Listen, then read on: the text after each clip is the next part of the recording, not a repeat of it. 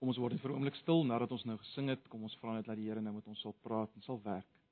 Deur sy woord en deur sy gees. Ja Here, ons kom met groot afhanklikheid, in groot afhanklikheid na U nou. Vra dat U met ons sal praat en dat ons sal werk vir oggend. Ons denke sal vernuwe oor U self, U wese, hoe U werk. Of wil U ons daardeur oorweldig, Here? Ken ons. U ken ons elkeen se historiese pad met U en U weet hoe dit lyk, Here.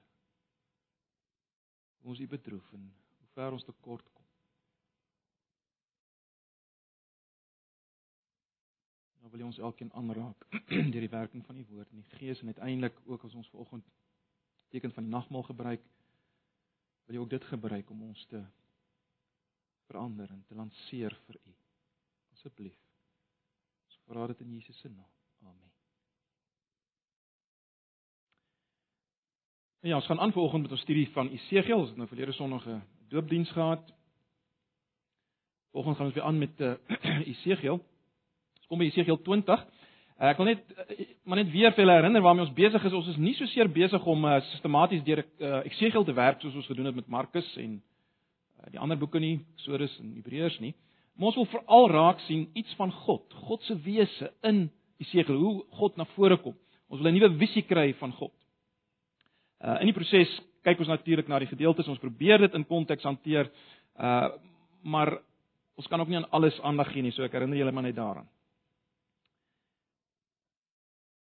Miskien moet ek net 'n vinnige opmerking ook maak. Uh, ek miskien sou julle dit nou verlede Sondag ook opgetel het en in die vorige Sondag uh dat ek baie verwys na die verskillende vertalings. Ek wil tog net duidelik maak, dis nie hoe kan ek dit nou stel? As ons as ons verskil met die 1983 vertaling, is dit nie omdat ons dink dit is 'n swak vertaling nie. En dis nie omdat ek dink ek is beter of ek weet meer as die vertalers nie. Dit kom daarop neer die ons moet onthou die 1983 vertaling wat die meeste van julle gebruik, het 'n totaal ander benadering gevolg met vertaling. Hulle het nie probeer om letterlik te sê wat daar staan in die oorspronklike taal en dit net oor te sit.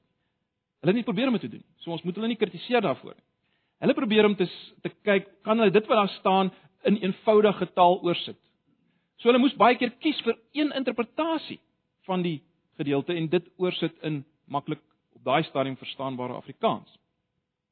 Uh en in die proses gaan natuurlik dinge verlore en uh is daar verkeerde interpretasies. En dis hoekom ons maar gedurig teruggaan na 'n meer letterlike vertaling. So ek noem dit net dat jy net rustigheid daaroor het. So dis nie dat 'n ou jy wil altyd lyk of jy wil meer weet nie. Dit gaan net daaroor dis dis die 83 vertaling is 'n vrye vertaling. Dit is 'n is 'n ander benadering en uh mens kan daarmee verskil want ons wil maar teruggaan altyd weer na die oorspronklik en van daaruit werk en kyk wat sê dit. So ek noem dit maar net sodat jy gemoedsrus het daaroor. Goed, Eksodus uh, Eksodus 20. Nou Ons wil kyk na die eerste 44 verse, maar ek gaan maar net lees vanaf vers 34. Maar asseblief hou julle Bybels byderhand, hou dit oop aan uh, ons gaan wel deur die hele hoofstuk werk. Ons gaan wel deur die hele hoofstuk werk. Ek gaan lees vanaf vers 34. So ek gebruik die 83 vertaling as die basis. Ek gaan wel wys waar ons uh terugval op die meer letterlike vertaling. Vers 34 van Eksodus, ag Eksodus, Esegiel. Ek is so gewoond dat aan Eksodus, wys jou net die mag van gewoonte. Eksodus ek Segiel 20 vers 4.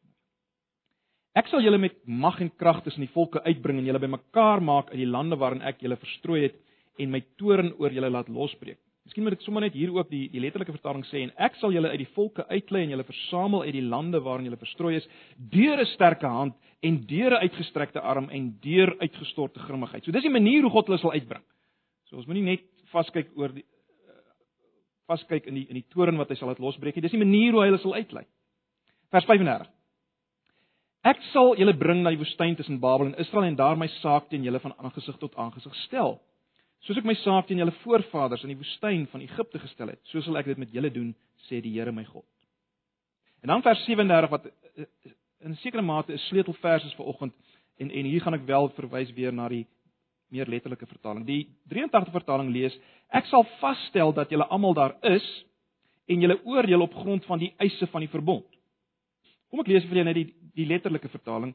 Ehm uh, dit klink so en ek sal julle onder die herderstaf laat deurgaan en julle bring in die band van die verbond. Engelse vertalings praat van in the bond of the covenant en al die vertalings gebruik ook die die die die, die term die staf. Vers 38 Ek sal die van julle wat hulle teen my verset en opstandig is uitsoek en hulle laat trek uit die land waar hulle woon, maar in die land Israel sal hulle nie kom nie. Hulle sal besef dat ek die Here is. En wat julle betref Israel sê die Here my God, loop na julle gode toe, dien hulle nou en later as julle nie na my wil luister nie en my heilige naam nog wil onteer oneer wil aandoen met julle geskenke aan afgode en met julle afgode self. Op my heilige berg op die hoë berg van Israel sê die Here my God, daar in die land sal die hele Israel my dien. Daar sal ek weer goedgesind wees teenoor hulle en daar sal ek bereid wees om hulle offergawe, hulle eerstelingoffers en hulle geskenke aan die heiligdom te ontvang. Die reuk van julle offers sal vir my aanneemlik wees wanneer ek julle onder die volke uit laat trek en julle bymekaar maak. Nou dis dieselfde uh situasie waarna vers 34 verwys, né? Nee. Wanneer ek julle onder die volke uit laat trek en julle bymekaar maak uit al die lande waarin ek julle verstrooi het, sal ek julle sal ek my deur julle voor die oë van die nasies laat ken as die heilige. Julle sal besef dat ek die Here is wanneer ek julle na die land Israel toe bring, na die land wat ek met 'n eed beloof het om aan julle voorvaders te gee. Daar sal julle in julle optrede en al die dinge waarmee julle julle verontreinig het, uh, of daar sal julle julle optrede en al die dinge waarmee julle julle verontreinig het in herinnering roep en julle sal 'n weerstand in julleself kry oor al die sondige dinge wat julle gedoen het wanneer ek met julle handel soos die eer van my naam dit vereis en nie volgens julle sondige optrede, julle slegte dade nie. Julle sal besef dat ek die Here is. Dit Israel sê die Here my God. So dit is geweldig. Sommige so met die opper op die oppervlak sien mens hy praat nog steeds van dieselfde groep mense. Deur die hele gedeelte. Hy praat van dieselfde groep mense en wat 'n geweldige wat 'n geweldige beloftes gee hier aan die einde. Maar goed, ons lees net daai paar verse saam. Uh, juweliers het soms die gebruik om uh, wanneer hulle 'n mooi edelsteen uh, edelsteen vir jou wil wys, spesifieke diamant, dan wys hulle dit vir jou teen die agtergrond van 'n swart lap, 'n donker lap. Sodat die pragt van die diamant natuurlik duideliker gesien kan word. Nou, broers en susters, die verse wat ons nou gelees het, is soos 'n diamant teen die donker agtergrond van die res van die verse in hoofstuk 20. Uh die res van die verse in hoofstuk 20 waarin die kom ons noem dit die historiese pad van Israel met die Here uitgelig word. Dit word as te ware opgetel. En daai historiese pad van Israel lyk soos 'n donker lap, vertoon soos 'n donker swart lap. Maar baie belangrik, wat ek en jy en ons as gemeente vanoggend moet raak sien is natuurlik ook ons eie historiese pad met die Here wat waarskynlik ook soos 'n swart donker lap vertoon. En is ook teen die agtergrond van hierdie swart donker lap wat die uh, geleesde gedeelte soveel beter sal skitter. Ons moet verstaan, broers en susters, die groot punt in hoofstuk 20 is dit Die Here sê as ter, as te ware Israel in die lig van alles wat ek julle gedoen het, waar is die liefde vir my? Waar is die leefstyl wat pas by mense wat aan my behoort?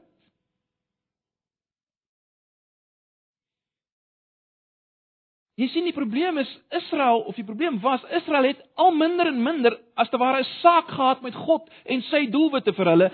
Israel as volk het al meer en meer begin kyk hoe leef die ander nasies.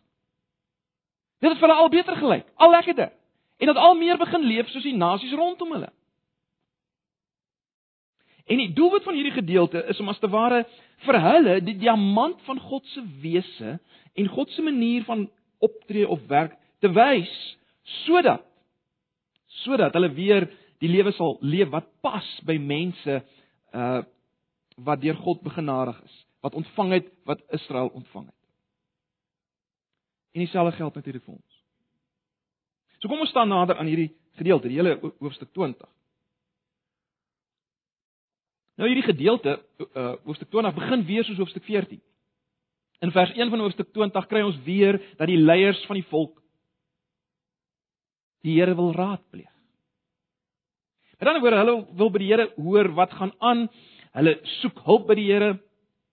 En onthou nou, hierdie leiers is die verteenwoordigers van die volk van die Here. Ek meen, die enigste volk in die hele wêreld van daai tyd wat in 'n verhouding met met die God van die heelal gestaan het, in 'n verbondsverhouding met hom was. So ek meen, dis net die soort ding wat jy doen. Jy raadpleeg die Here. Maar weer eens, soos in hoofstuk 14, maak die Here dit baie duidelik uh, as jy veral kyk na vers 3. Hy maak dit baie duidelik dat hierdie ouens, hierdie leiers van die volk wat namens die volk kom, hulle mors hulle tyd. Dis sinneloos om die Here te raadpleeg as jy dit nie doen omdat jy vir hom lief is en jy hom wil behaag nie, as jy dit maar net doen bloot omdat jy in die verknorsing is en hy wil hê jy moet en hy en jy wil hê hy moet jou daar uithelp sodat jy weer kan aangaan met dit waarmee jy besig is. Die Here sê, jy mors jou tyd. Jy mors julle tyd. Ek sal my nie deur julle raad, laat raadpleeg nie, sê die Here. Here maak dit baie duidelik, hy gaan nou met hulle praat deur Esegiel. En Esegiel moet vir hulle vertel wie hulle is. So wat is eh, wat Esegiel as te ware gaan doen of moet doen is om hulle historiese pad met die Here as te ware op te lig, dit vir hulle te wys. En dis nie 'n mooi pad nie. Maar broers en susters, Nou ons is besig om te kyk na God in diepste en wat ons alreeds hier moet sien is is 'n groot stuk van God se genade. Alreeds hierin. 'n Groot stuk van God se absolute bemoeienis met hulle. Die die blote feit dat hy hierdie swart lap vir hulle gaan ophou, is alreeds genade van God se kant.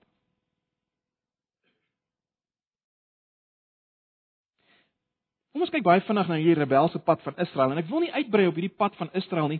Uh, ons het ook daarin geraak in hoofstuk 16. Dit kom weer en weer in Esegiel na vore.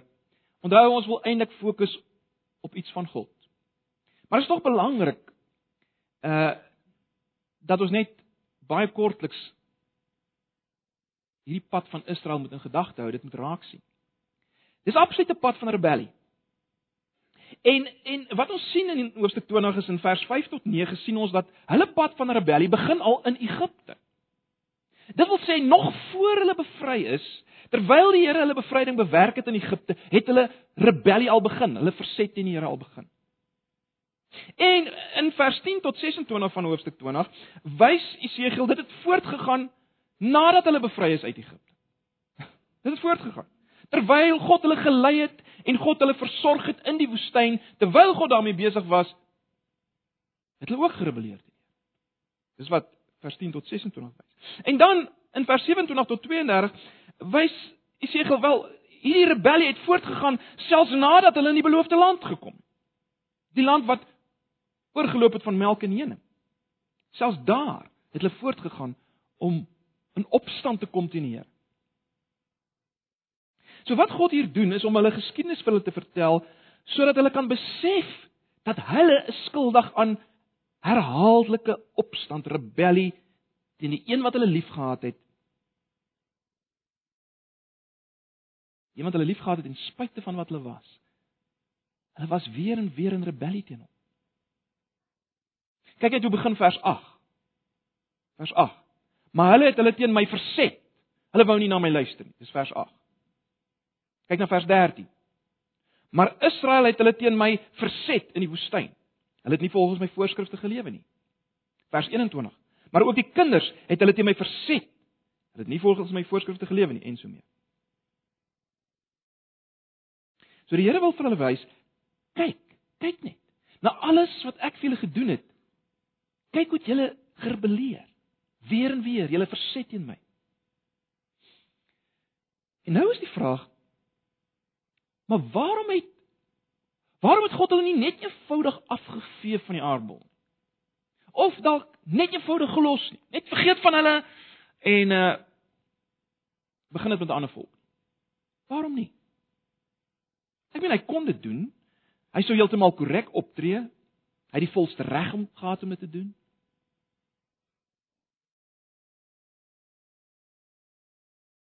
Dit bring ons by 'n volgende opskrif as jy die raamwerk het, Dit bring ons by God se heilige reputasie. So die vraag is waarom doen hy dit nie? Waarom delg hulle nie net uit nie? Jy sal sien aan die einde van vers 8, dan maak die Here dit duidelik, hy wou hulle eintlik uitdelg. Hy was net op daai punt om om hulle uit te delg. En luister wat sê hy dan vers 9. Maar maar ek het gedoen wat die eer van my naam vereis. Ek wou nie dat my naam oneer aangedoen word voor die oë van die nasies tussen wie my volk gewoon het nie. En toe het ek my bekend gemaak aan hulle voor die oë van die nasies en my volk uit Egipte gebring. Dis die 83 vertaling. Ek gaan julle net die weer eens die die letterlike vertaling lees want hier's 'n frase tog wat belangrik is. Ek lees dieselfde vers in die 53 vertaling. Ek het gehandel ter wille van my naam dat dit nie ontheilig sou word voor die oë van die nasies onder wie hulle gewees het nie. In vers 14 kry ons dieselfde gedagte, presies dieselfde frase. Weereens die letterlike vertaling van vers 14 klink so: "Maar ek het gehandel ter wille van my naam dat dit nie onheilig sou word voor die oë van die nasies." Vers 22 dieselfde: "Maar ek het my hand teruggetrek en gehandel ter wille van my naam dat dit nie onheilig sou word voor die oë van die nasies vir wie se oë ek hulle uitgelei het nie." Weer en weer dieselfde frase. Maar wat bedoel God hiermee? Wat bedoel God hiermee? Wel ek dink hy bedoel dit. As hy hulle verdelg het, sou hy opgetree tipies soos 'n mens sou optree. Met ander woorde, God sou maar net optree soos 'n mens in oortreffende trap as jy wil. Kyk, 'n mens in dieselfde omstandighede 'n mens teen wie oortree soos teen God oortree is, 'n mens wie se liefde vertrap is en in sy gesig teruggegooi is soos wat met God gedoen is. 'n Mens in daardie situasie wat die mag en die krag gehad het wat God het. Wel so mens sou dan hierdie die mense wat sy liefde so vertrap en verag het, uitgedelg het. Nee, dit dit soos 'n mens in die oortreffende trap sou optree. Maar God doen dit nie. God doen dit nie. Hoekom nie? Want hy is heilig.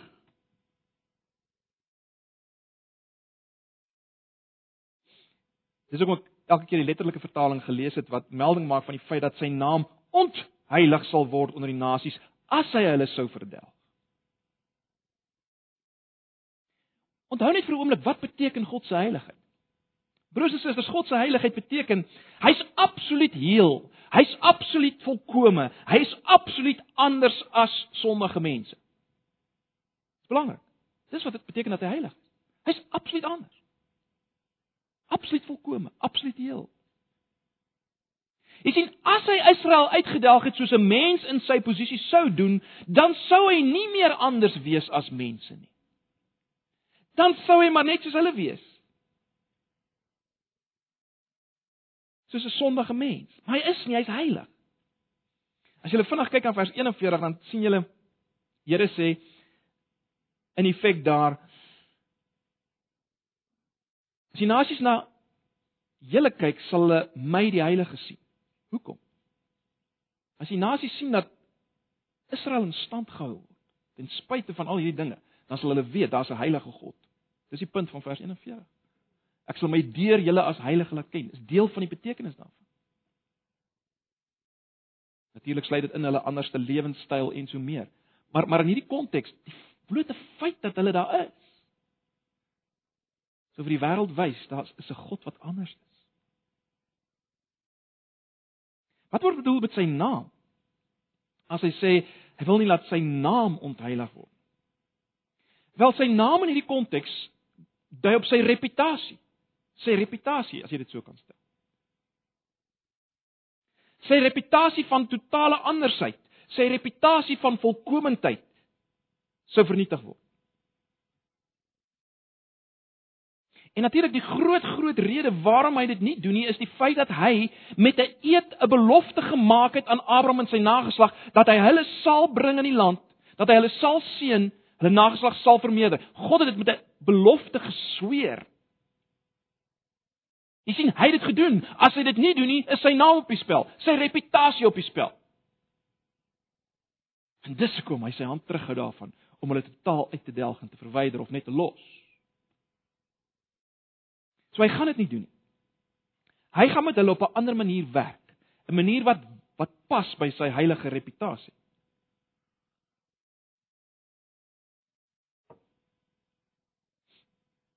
Jesaja 20 vers 44 stel dit so.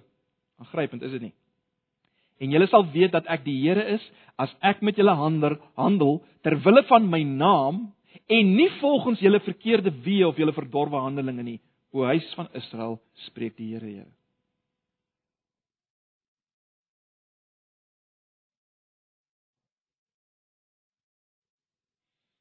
So hy gaan met hulle anders handel. Hy gaan nie met hulle handel volgens wat hulle verdien nie. O broers en susters, en dis groot genade is dit nie. Dat die Here nie handel volgens wat ons verdien nie. Maar nou in vers 37 word hierdie manier van handel saamgevat. En dis wat belangrik is, is dat ons sal kyk na die letterlike vertaling. Ek sê maar net weer die 83 vertaling lees so ek sal vasstel dat julle almal daar is en julle oordeel op grond van die eise van die verbond. Die 53 vertaling lees en ek sal julle onder die herderstaf laat deurgaan en julle bring in die band van die verbond. Nou weer eens, ek dink dat die eh, die 1983 vertaling los ons hier met 'n verskraling van die ryk betekenis van hierdie vers. Met ander woorde, die diamant word nie behoorlik ontbloot deur hierdie vertaling nie. Maar voor ek gaan kom by die verskillende vertaling, daar's iets net op die oppervlak in al hierdie verse wat ons gelees het. Wat ons moet raak sien nou al. Al die versies wat ons wat ons gelees het. Daar's iets wat ons moet raak sien. Oral in hierdie vers kom die persoonlike voornaamwoord ek voor. Ek gaan dit doen. Ek sal dit doen. En en dit dui alreeds op God se genade, is dit nie? God gaan iets doen. Dis God se onverdiende guns teenoor mense wat die teenoorgestelde verdien. Hy gaan iets doen. Hy gaan nie wag tot die volk uiteindelik self gaan besluit dat hulle iets gaan doen nie, as hulle so sou voel of so gaan besluit nie. Hulle is ontrou. Hulle wil nie na hom toe kom nie. Hulle het afgode in hulle hart en hulle hoereer agter die volke aan. Maar God gaan die inisiatief neem. Te midde van wie hulle is, ten spyte van wie hulle is, gaan hy iets doen. Onthou nou hoekom? Want sy naam is op die spel. Sy eer is op die spel, sy reputasie. Maar let wel, wat hy gaan doen, gaan hy doen as herder. En dis waar dit belangrik is om te kyk na die oorspronklike vertaling. Nou in die Hebreëus is daar net die term staf, sebet. Ek sal julle onder die staf laat deurgaan. Maar natuurlik was dit die staf van 'n herder en daarom vertaal die 1953 vertaling dit met herderstaf. Uh terwyl die Engelse vertalings vertaal dit net met die woord staf. Maar die beeld wat hier gebruik word is baie duidelik, die van 'n Palestynse herder. Nou ons het hieroor gepraat nie so lank terug nie toe ons in Psalm 23 gekyk het. Maar blykbaar het die Palestynse herder twee hulpmiddels gehad. 'n knippel of 'n stok om die wilde diere af te weer van die skape en dan 'n staf. En hierdie staf het hy gebruik om die skape te lei en hulle te beheer. Skape wat weggedwaal het, is nader getrek met die staf. As hulle wegdwaal en 'n giftige plant wou eet, is die staf letterlik met teken na hulle gegooi om hulle terug te bring. En dan baie interessant, is die staf ook gebruik om hulle liggame te ondersoek en hulle te tel. Nou die 83 vertaling het by hierdie hierdie funksie van die staf uh, uh hulle dit gebruik in hulle vertaling toe hulle gesê het ek sal vasstel of almal daar is. Maar natuurlik is daar is daar meer, né? Nee. So die Here gebruik hierdie staf om te kyk dat al die skape daar is. of hulle wel is. En en en in die proses gebruik hy die die die die staf om om sommige een kant toe te te trek en uh te sorg dat 'n sekere skaap eers gesond word voor hy weer deel word van die groep en so meer.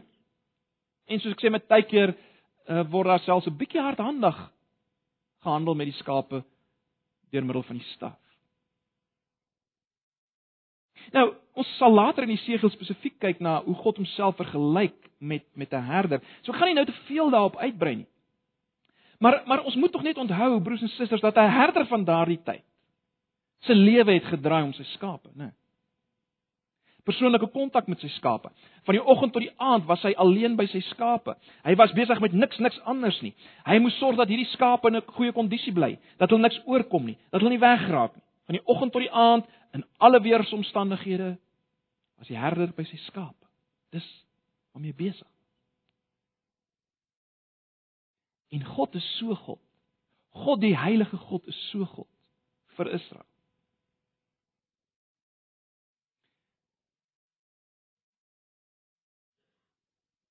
So dis die term staf. Daar's die, die tweede term wat wat belangrik hier is is die is die woord wat die 1953 vertaling vertaal met band. Of of die Engelse vertaling met bond.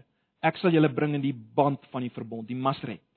Nou die term soos dit hier gebruik word letterlik beteken maar net verpligting of ooreenkoms van die verbond. Ek sal julle bring in die verpligting of ooreenkoms van die verbond. Dis die dis die band van die verbond. Die 1983 vertaling kies om dit te interpreteer as die oordeel van die verbond op grond uh van sy eise of uh, die oordeel op grond van die eise van die verbond. Maar weer eens, as as meer as dit, is dit nie. Dis definitief meer as dit. As as mens nou die beeld van die herderstaf in gedagte hou, is daar waarskynlik in hierdie term wat hier gebruik word hier, die band van die verbond. In hierdie term is daar waarskynlik die gedagte dat hierdie ooreenkoms of verpligting van die verbond is 'n veilige hawe, 'n veilige vesting. Hoekom sê ek so? Want 'n uh, verbuiging van hierdie woord, van presies dieselfde woord, 'n klein bietjie van 'n verbuiging daarvan is presies dit. Beteken presies dit, 'n veilige hawe, 'n veilige vesting, 'n skuilplek. So met ander woorde, dit lyk vir my die gedagte hier is dat dat hierdie hierdie verpligtinge van die verbond, hierdie ooreenkomste van die verbond is 'n veilige vesting sal 'n veilige vesting wees vir julle. En die Here sê: "Sal my herderstaf voor julle laat gaan. Ek sal julle hier bring in veilige beskutting van die verbond." Maar hoe gaan hoe gaan die Heilige God met hulle werk? Ons het nou gesien dat God gaan met hulle handel as herder, maar hoe gaan hy met hulle werk? Wel ek dink die konteks waarin die gedeelte voorkom en eintlik die hele konteks van Esegiel help ons 'n bietjie hiermee. En ek wil 'n paar dinge maar net uitlig. Dit lyk vir my hy gaan eerstens met hulle werk deur isolasie. Hy gaan hulle isoleer. Soos die herder dikwels met sy staf doen, hy trek 'n skaap een kant toe. En wat God as te ware doen met Israel of gaan doen is hy gaan hulle as te ware uithaal uit hulle omgewing sodat hulle gesond kan word. Ons weet Israel het geweldige kompromieë aangegaan terwyl hulle in die land was, het hulle geweldige kompromieë aangegaan met die heidene nasies rondom hulle. En wat God nou doen in die ballingskap is as te ware om hulle te isoleer.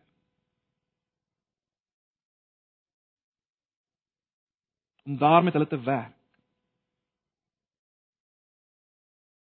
Ek dink in vers 35 is daar 'n sinspeling dat hy hulle as te ware in die woestyn tussen Babylon en Israel gaan bring. Uh hy sinspeel op op 'n tydperk waar hy 'n noue kontak met hulle gaan wees, van aangesig tot aangesig, met hulle gaan werk. So hy gaan met hulle werk deur isolasie. Ek gaan nie te veel daarop uitbrei nie. Tweedens gaan hy met hulle werk deur die oortuiging van sonde.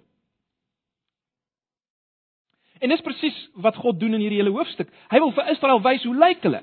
Maar dis nie omdat hy een of ander perverse genot daarin vind om hulle te laat sleg voel nie of te laat skuldig voel nie. God is nie net nie so nie. God is nie so nie. God is die heilige. Ons het nou reeds mekaar gesê.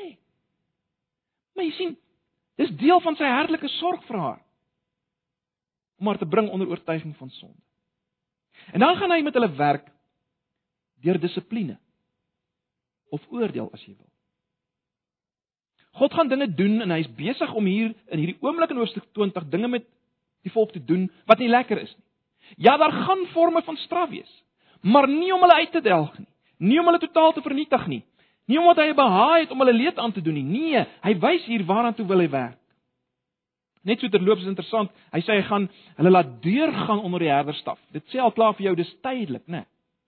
Hy gaan hulle nie vir altyd hou onder die staf van oordeel. Hy gaan hulle laat deurgaan. Maar wat is sy einddoel? Waarna toe werk hy met hierdie dissipline? Wel, hy wil hulle bring in die band van die verbond. Dis geweldig, is dit?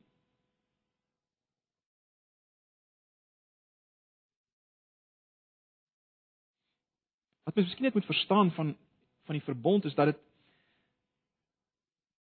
dit werk amper soos 'n gereelde huwelik. Nou ons ons ken nie sulke huwelike nie, maar baie oosterse lande en selfs uh, in dele van Afrika kry mense 'n huwelik wat gereël is.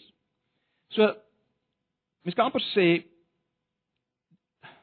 Die huwelik is eensaidig in sy oorsprong, die huwelik tussen God en sy mense, hierdie verbondsooreenkoms. Maar God wil hê hierdie verbond moet tweesydig wees in sy uitlewing. So God neem inisiatief soos 'n huweliksmaat wat gekies word in 'n gereelde huwelik.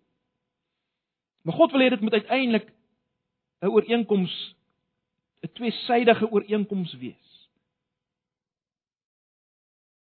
Die verpligtinge moet tweesydig wees. Dis dis waaroor dit gaan in die verbond. Dit moenie net uiteindelik van een kant af wees nie. God wil hê dit moet van twee kante af wees. God wil hê dit moet 'n veilige, vredevolle hawe wees hierdie verhouding wat van twee kante af kom. Hulle moet sy mense wees. Hy sal hulle God wees in hierdie verhouding van openheid en begrip en vergifnis en versorging en lyding.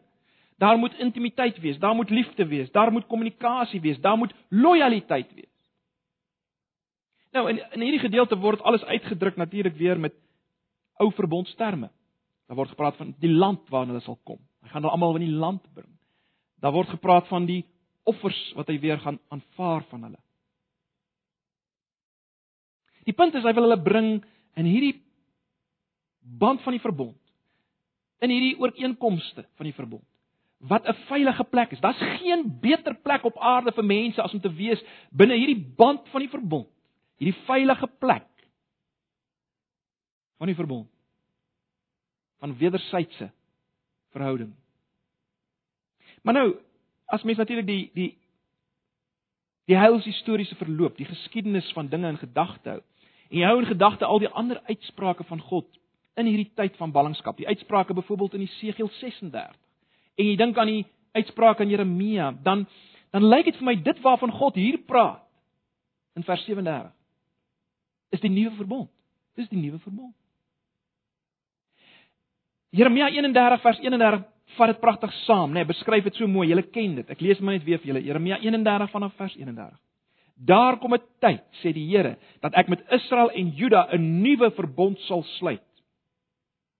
Dit sal nie wees soos die verbond wat ek met hulle voorvaders gesluit het toe ek hulle aan die hand gevat het en uit Egipte laat trek het nie. Hulle het daardie verbond wat ek met hulle gesluit het verbreek al was ek getrou aan hulle, sê die Here. Dit is die verbond wat ek in die toekoms met Israel sal sluit, sê die Here. Ek sal my woorde op hulle harte skryf en dit in hulle gedagtes vas lê. Ek sal hulle God wees en hulle sal my volk wees. 'n Man sal nie meer vir sy buurman of sy broer voorhou jy moet die Here dien nie, want almal sal my dien, klein en groot, sê die Here.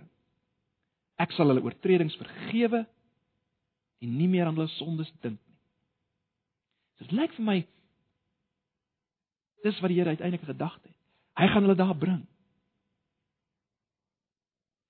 Maar kom ons bring alles nou nader aan ons lyf. Dis tog waarvoor ons hier is, waar? En ek wil weer as vertrekpunt neem Romeine 15 vers 4 wat sê alles wat vooraf in die skrif opgeteken is, is tog opgeteken om ons te leer sodat ons deur die standvastigheid en bemoediging wat die skrif ons gee, volhoop kan wees. Dis waarvoor ons hier is. Nou ons het nou gekyk na die historiese pad van Israel met God, die pad van rebellie. En ek wil hê vir 'n oomblik moet ons dink aan ons eie pad.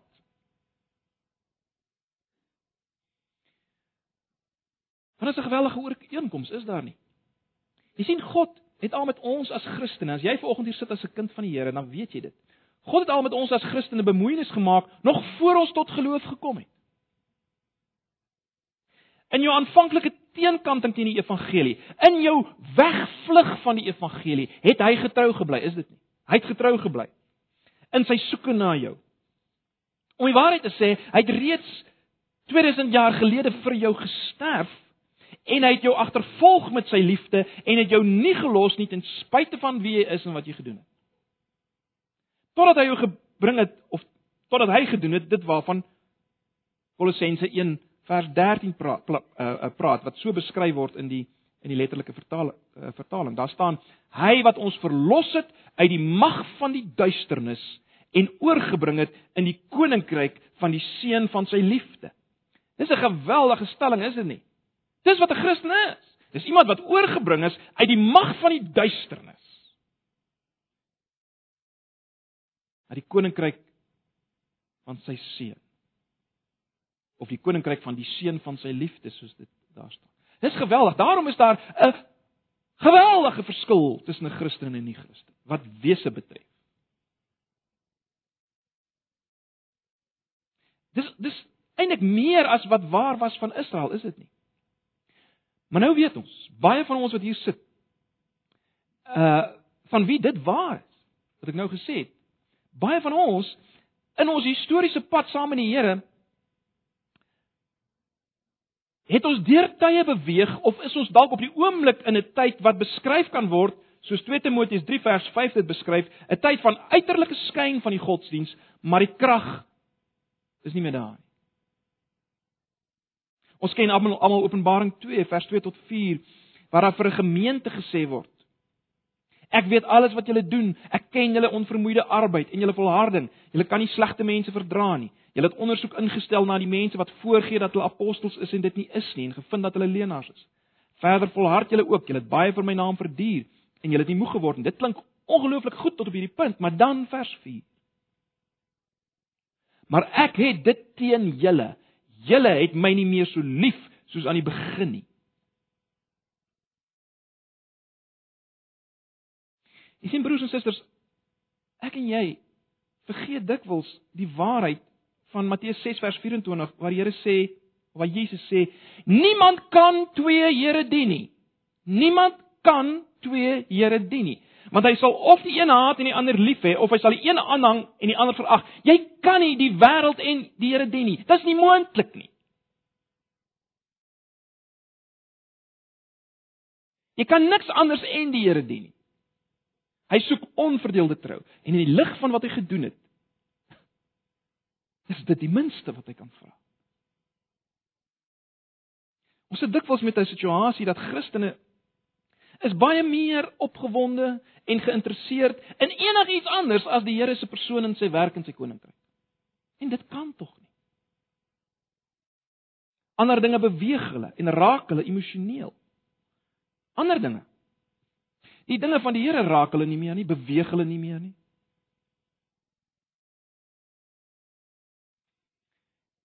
Jy sien ons probleem soos Israel se eh, se probleem is dit waarna vers 16 verwys. Hartsafgodery. En ons het reeds daaroor gepraat, ek gaan nie nou daaroor uitbrei nie. Wat ek wil hê ons moet raak sien vir oggend en dis die ongelooflike punt van vanoggend is dit. Dis die dis die dis die ongelooflike. Ek en jy kan so koud soos 'n vrieskas wees in ons toewyding aan die Here vanoggend. Traak my nie agtig. Doelbewus, doelbewus rebels. Ons kan op die punt wees waar ons eintlik hoegenaamd nie meer besig is om die woord te bestudeer, om die Here te leer ken en te sien vir wie hy is nie. Ons neem nie meer sy naam oor ons lippe om sy lof te besing nie. Ons kom nie meer in gebed na hom nie. Ons praat nie meer met hom in gebed omdat ons vir hom lief is nie. Dalk nog hoogstens as ons vinnig in die knyp is en hy moet ons help met iets. Ons mors al ons tyd en energie en geld uit op die wêreld.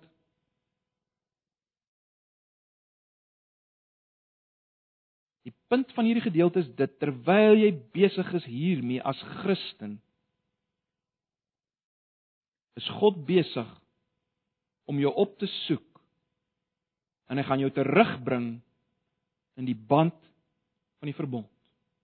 Dis wat hierdie gedeelte vir ons sê. Hoekom doen hy dit? Hoekom doen hy dit? Hoekom los hy jou nie net?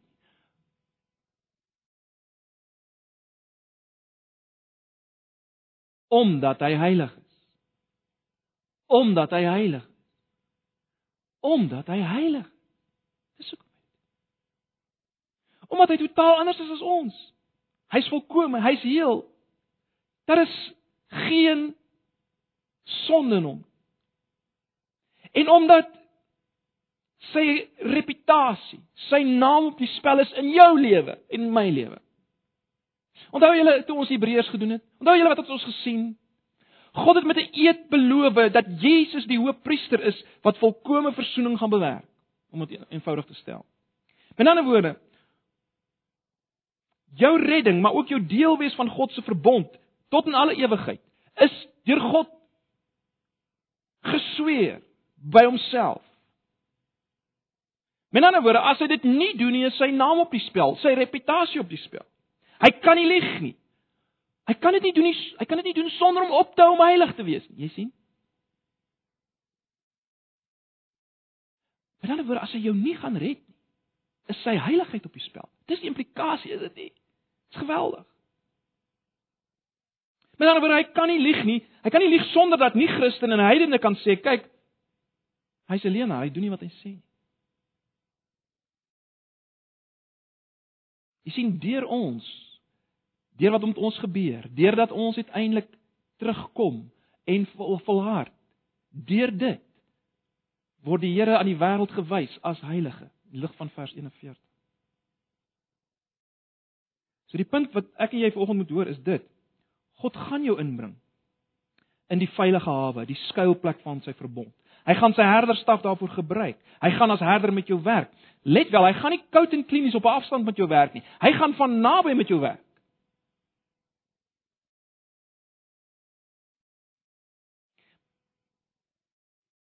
Nou as ons dink oor hierdie God wat met ons gaan werk, moet ons natuurlik dink aan ons moet dink aan aan aan aan alles wat die drie enige God. Dis onthou ons is besig met die drie enige God wat hy gedoen het. Ek en jy moet weet vir oggend dat God die Seun God die Seun het onder die straf die vloek soos die Bybel dit stel van verbondsverbreeking deurgegaan. Jy sien God die Vader het die straf van oordeel op God die Seun laat deurgaan of laat laat neerkom. Onthou julle wat het ons verlede Sondag Matteus 4 gesien? Of nie net in Matteus 4 nie, in die, in die hele Matteus uh hoe Matteus saamgestel is. Ons het mekaar gesê is baie duidelik, Jesus neem die rol van Israel oor. Hy verteenwoordig Israel in God se groot plan. Hy kom doen wat Israel nie kom kom doen nie. En die ongelooflike ding is dit, Jesus neem ook die oordeel op hom wat op Israel moes kom en op jou en my moes kom.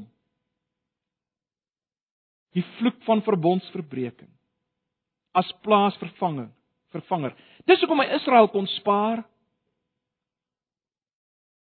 Dis hoekom hy my en jou kan spaar. Luister na Galasiërs 3 vanaf vers 13. Christus het ons losgekoop van die vloek van die wet. Nou ons weet die wet is maar net ons kan dit vertaal met die verbond, die ou verbond, né? Christus het ons losgekoop van die vloek wat die wet meebring deur in ons plek 'n vervloekte te word. Daar staan naamlik geskrywe vervloek is elkeen wat aan 'n hout opgehang is. Vers 14. Daardeur kan ook hulle wat nie Jode is nie deur Christus Jesus deel kry aan die seën wat God aan Abraham toegesê het. So het ons dan deur die geloof die Gees ontvang wat God beloof het. Broers en susters, dis hoekom God met ons kan handel nie volgens ons sonde nie, vers 44 van Esegiel 20. Omdat Jesus 'n vloek in ons plek geword het. Maar let op. Nou kan ons deel kry aan die seën. Hy wil ons seën. En hy gaan dit doen. Hy het alles gedoen om dit te verseker. Wat is die seën? Wel die seën is om deel te wees van die verbond. In die band van die verbond te wees. Interessant, hier word verwys na die Gees wat ons sal ontvang.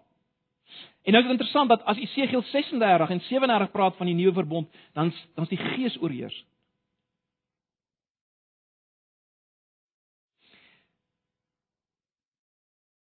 En dit is natuurlik net 'n ander manier om te sê dat ons gaan as te ware in Jesus deel aan al hierdie dinge. Uh net so terloops die letterlike vertaling van vers 14 is nie dat ons deel uh, ekskuus deur Jesus Christus gaan deel kry aan die seën van God nie, maar ons gaan in Christus Jesus deel kry aan die seën wat God beloof het. Die punt wat ek wil maak is die seëning wat ons in word is die seëning om in Jesus te wees. Die seëning om die Gees te hê in hierdie verhouding met God drie een. In hierdie verbondsverhouding. Dis die seëning. En ag broers en susters, daarom kan 'n Christen geseënd wees al is hy terminaal siek, want hy's in hierdie verhouding. Dis die lewe, is dit nie? Dis die lewe.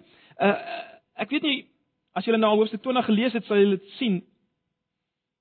Die term lewe wanneer God se bepalinge, en sy verordeninge genoem word, kom die term lewe heeltyd voor. Vers 11 lees ons byvoorbeeld: Ek het aan hulle my voorskrifte gegee, my bepalinge aan hulle bekend gemaak, sodat elkeen wat daarvolgens optree, in die lewe sou bly. Letterlik sou lewe. Vers 13 dis dieselfde. Dieselfde. Nou.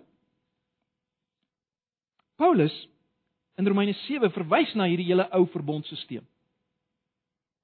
Paulus verwys daarna en en onthou nou ons weet dit word ook die wet genoem, né? Nee. Paulus verwys daarna en hy sê in Romeine 7 vers 10 die volgende. Hy sê dit het gebleik dat die gebod wat bedoel was om vir my die lewe te bring vir my dood beteken het. Dis wat Paulus sê in Romeine 7.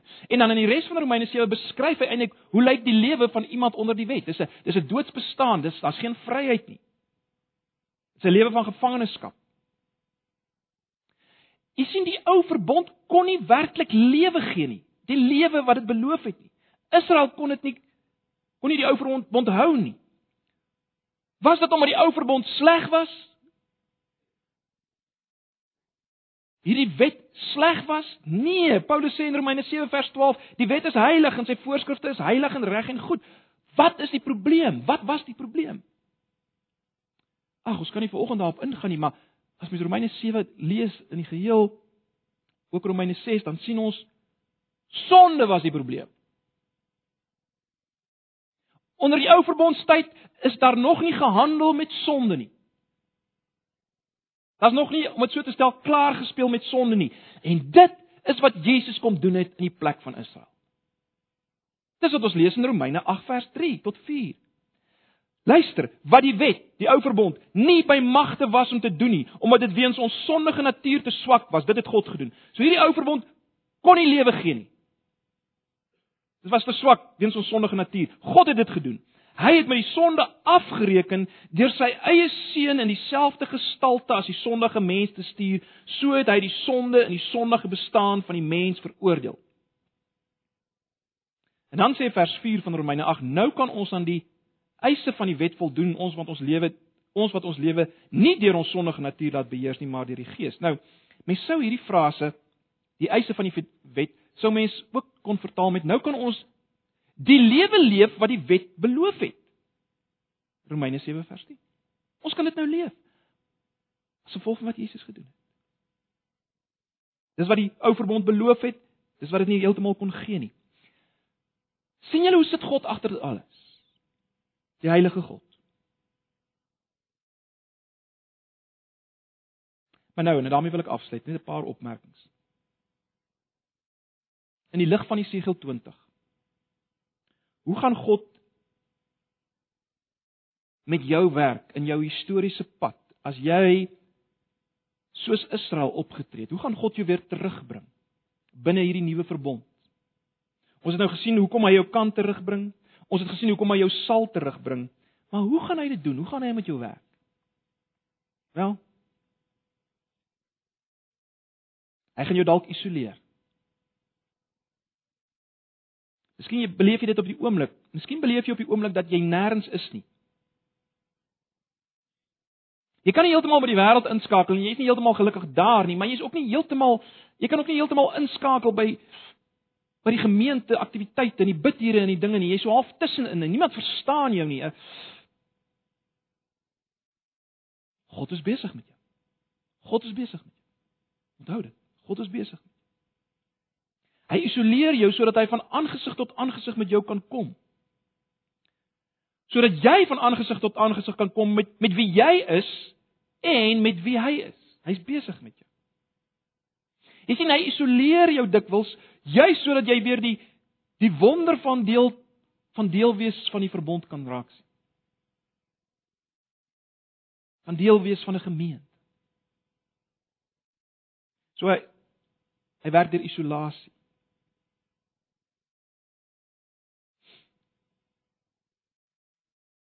Hy gaan jou dalk bring by oortuiging van sonde.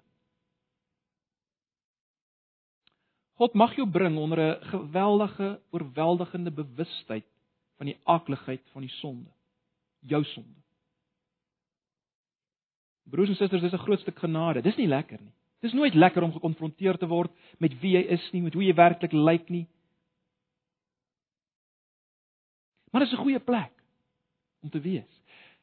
Dis die beste plek om te wees. Wel, die tweede beste. Want hy wil jou vat na 'n beter plek, né? Nee.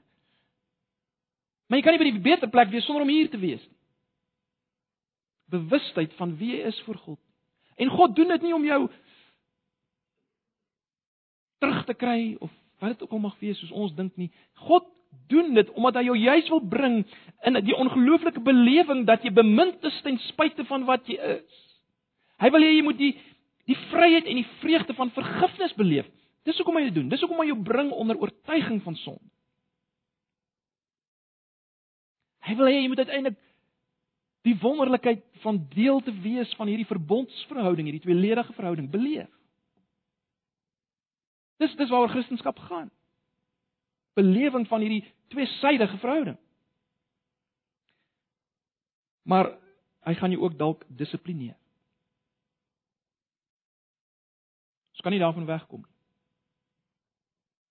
Dalk is daar op die oomblik dinge in jou lewe wat gebeur met jou wat geïnterpreteer kan word as die dissipline van die Here. Nou, ek weet dis 'n groot onderwerp. Ons moet baie versigtig wees om nie alle rampe wat met ons gebeur te interpreteer as die Here se dissipline met ons nie. Verseker nie. Maar dit kan net wees dat die Here besig is om jou te dissiplineer. Hy doen dit. Hy doen dit. As herder. Ons weet waarvoor. Jy jy mag dalk op die oomblik voel die Here is teen jou. Jy kan dalk absoluut beleef die Here is teen my. Maar onthou waarheen is hy op pad? Onthou dit, onthou dit. En onthou dis net tydelik. Ag, broers en susters, as jy ver oggend bekommerd is oor jouself, word vertroos uit hierdie feit dat God gedetermineerd is om jou te bring in die band van die verbond omdat hy heilig is, omdat sy reputasie op die spel is. As jy hier sit en jy's bekommerd oor 'n medebroer of suster, Christenbroer of suster wat afgedwaal het, neem hierdie as bemoediging. Neem dit as bemoediging. Mag die Here jou daardeur bemoedig. As jy dalk 'n kind het wat op 'n stadium die Here gedien het, maar op die oomblik in rebellie is teen die Here, vir die wêreld lewe, wel word bemoedig. Word bemoedig. Hoe moet ons bid in al hierdie gevalle? Wel. Here, onthou u verbond. Wat net 'n ander manier is as om te of niks anders is as 'n manier is om te bid. Laat u koninkryk kom, laat u naam geheilig word, laat u wil geskied. Dis wat ons moet bid. Dis wat ons moet bid. Ag broers en susters. Mag die Here ons bemoedig en versterk deur hierdie woord en as ons nou die nagmaal gaan gebruik. En ons gaan as te ware sy liefde sien weer. Aanvat dit proe deel maak van ons liggaam. Word bemoedig en versterk. Deur sy liefde. En word vertroos deur sy heiligheid. Want dis ons enigste hoop dis ons enigste hoop ons enigste hoop vir redding is nie ons getrouheid Nie dat ons dit gaan maak nie. Nie dat ons genoeg selfbeheersing het en genoeg genoeg deursettingsvermoë het nie. Die enigste rede hoekom ek en jy dit gaan maak tot die einde toe is God. God wat heilig is. Dis die enigste rede. Amen.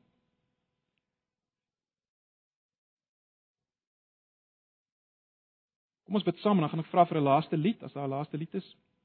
En dan gaan ons die nagmaal gebruik. Ag Here, Dankie vir die woord. Dankie vir wie u self wie u is.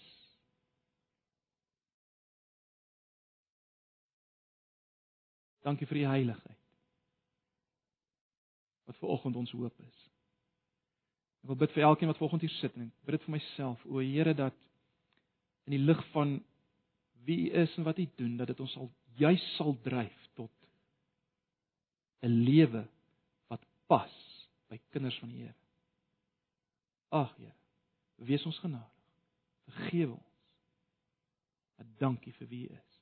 Mag nou die genade van ons Here Jesus en die liefde van God en die gemeenskap van sy Heilige Gees by julle wees en bly terwyl hy julle bemoedig en versterk deur die woord wat ons vanoggend gehoor het, maar ook deur die tekens wat ons gebruik het. Amen.